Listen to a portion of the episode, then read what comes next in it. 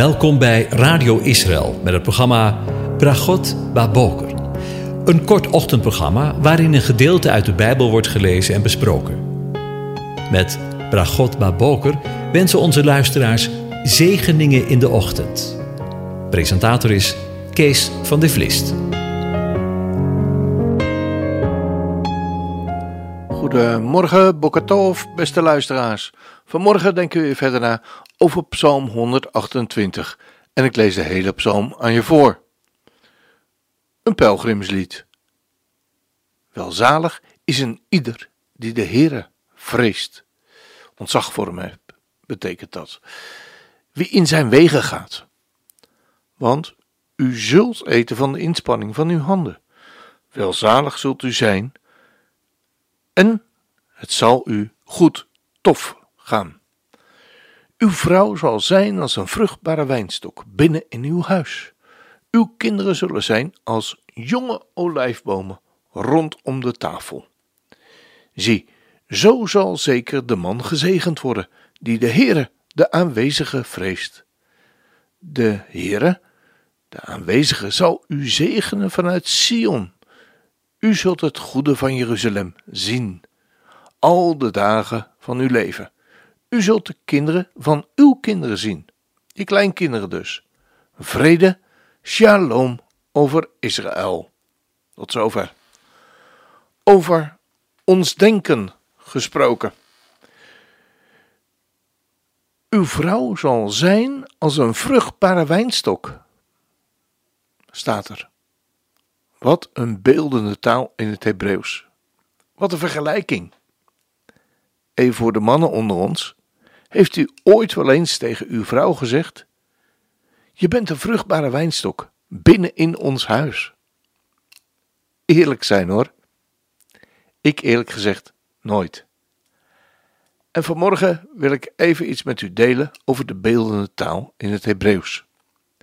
De Hebreeuwse taal is een rijke, beeldende taal en letters en woorden in de Bijbel worden niet toevallig gebruikt. De huidige Hebreeuwse letters zijn ontstaan uit pictogrammen of afbeeldingen. In de tijd van onze Bijbelse voorouders werden niet de huidige Hebreeuwse letters gebruikt, maar die pictogrammen. De letter A bijvoorbeeld, de alef, komt voort uit een pictogram van een os en staat onder andere voor kracht.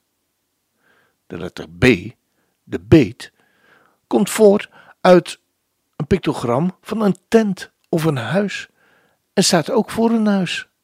Beet of bed, u weet wel, Bethlehem. Beet is ook het Hebreeuwse woord voor huis. De Bijbel begint in Genesis 1 met de tweede letter van het Hebreeuwse alfabet, de beet. Waarom begint de Bijbel met deze letter, juist deze letter, dus een huis? Het lijkt erop dat JHWH, de Heere, de aanwezige, vanaf het eerste begin duidelijk wil maken dat het huis belangrijk is. Dat alles om het huis draait. Je zou kunnen zeggen dat de Bijbel op deze manier begint. Huis. En dan vervolgt met de rest van de tekst. Waarom is een huis zo belangrijk? Het kan verwijzen naar het feit dat de aanwezige ons wil, in ons wil wonen en onder ons wil wonen. Dat hij zijn huis onder ons wil bouwen.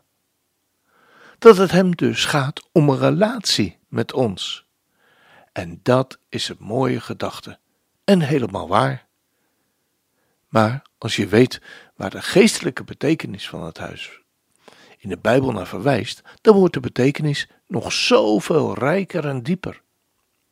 Het begrip huis in de Bijbel verwijst naar ons denken. Het feest van de ongezuurde broden verwijst bijvoorbeeld naar dit huis, naar ons denken. Tijdens het feest van de ongezuurde broden moeten we het zuurdeeg uit onze huizen, ons denken, dus wegdoen. lezen we in Exodus 12, vers 15. Zuurdeeg verwijst in de Bijbel naar zonde, naar de leugens en dwalingen in ons denken, de gedachtespinsels van ons hart, volgens Genesis 6, vers 5. Yeshua vergeleek het onderricht van de Fariseeën en de Sadduceeën in Matthäus 16, vers 6 tot 12 met zuurdeeg, omdat het een dwaling was. In de gelijkenis van de dwaze en de wijze man uit Lucas 6 bouwt de wijze man zijn huis op een rots. Rots verwijst in de Bijbel naar Yeshua, de Messias. En in 1 Korinthe 10, vers 4 lezen we bijvoorbeeld: En ik wil niet, broeders, dat u geen weet hebt dat onze vaderen alle onder de wolk waren en alle door de zee zijn gegaan, en dat alle in Mozes gedoopt zijn, in de wolk en in de zee, en alle dezelfde geestelijke voedsel gegeten hebben, en alle dezelfde geestelijke drank gedronken hebben. En dan volgt het waar het me om gaat, want zij dronken namelijk uit een geestelijke rots, die hen volgde. En die rots was Christus, de Messias. We zijn volgens deze gelijkenis dus wijs als we ons huis, ons denken dus, bouwen op Hem. Nog een keertje. We zijn volgens deze gelijkenis dus wijs als we ons huis, ons denken, bouwen op Hem. Als we ons denken dus vullen met de diepere waarheid en wijsheid van Zijn onderwijs. Dat is het proces waar de apostel Paulus naar verwijst in Efeze 4, vers 23, waar hij spreekt over de oude en de nieuwe mens. En voor het verband lees ik vanaf vers 17. Dit zeg ik dan en getuig ervan in de Heer dat u niet meer wandelt zoals de andere heidenen wandelen, in de zinloosheid van hun denken. De zinloosheid van hun denken. Hun huis, verduisterd in het verstand, vervreemd van het leven dat uit God is door de onwetendheid die in hen is, door de verharding van hun hart. Ze hebben zich, ongevoelig als ze geworden zijn, overgegeven aan losbandigheid om in alle onreinheid begeerig te bedrijven. Maar u hebt de Messias, Christus, niet zo leren kennen.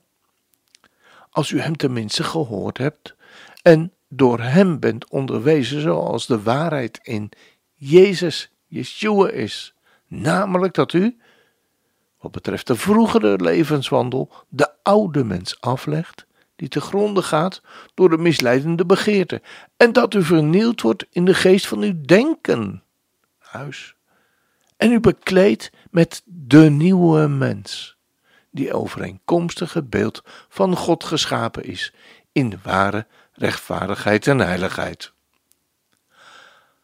Als we beseffen dat de diepere geestelijke betekenis van het begrip huis in het woord verwijst naar ons denken, maar ook naar zijn denken. En we vervolgens zien dat de Heere, de aanwezige, het zo heeft geleid dat zijn woord begint met de Hebreeuwse letter beet, dat huis betekent. Wat kunnen we daar van afleiden? We zouden kunnen zeggen dat de Bijbel op deze manier begint. Denken. Het lijkt erop dat de aanwezige ons er boven alles op wil wijzen hoe belangrijk ons denken is. En zijn denken, waar we ons denken mee moeten vullen, zodat we gelijkvormig worden aan zijn beeld. Als dat geen zegen is.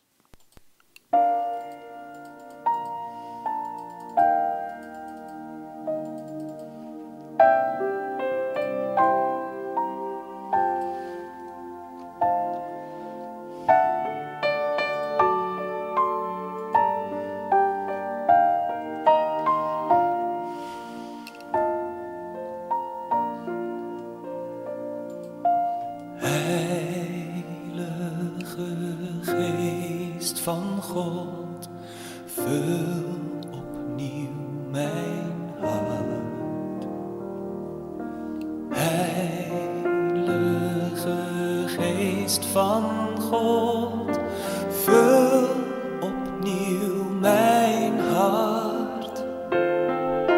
Vul mij opnieuw. Vul mij opnieuw.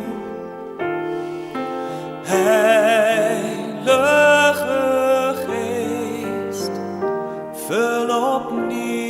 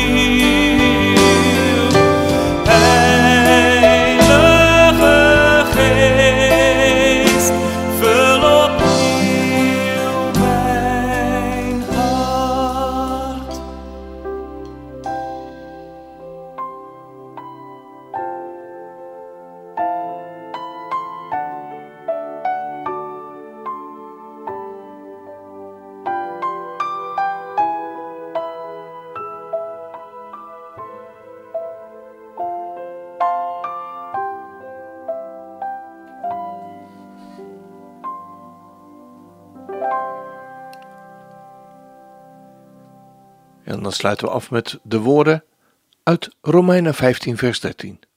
De God nu van de hoop mogen u vervullen met alle blijdschap en vrede in het geloven, opdat u overvloedig bent in de hoop door de kracht van de Heilige Geest. Ik wens u een van God gezegende dag.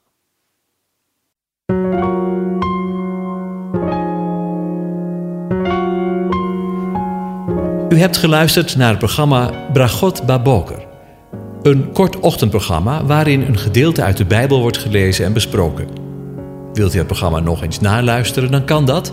Ga naar radioisrael.nl en klik onder het kopje radio op Uitzending gemist.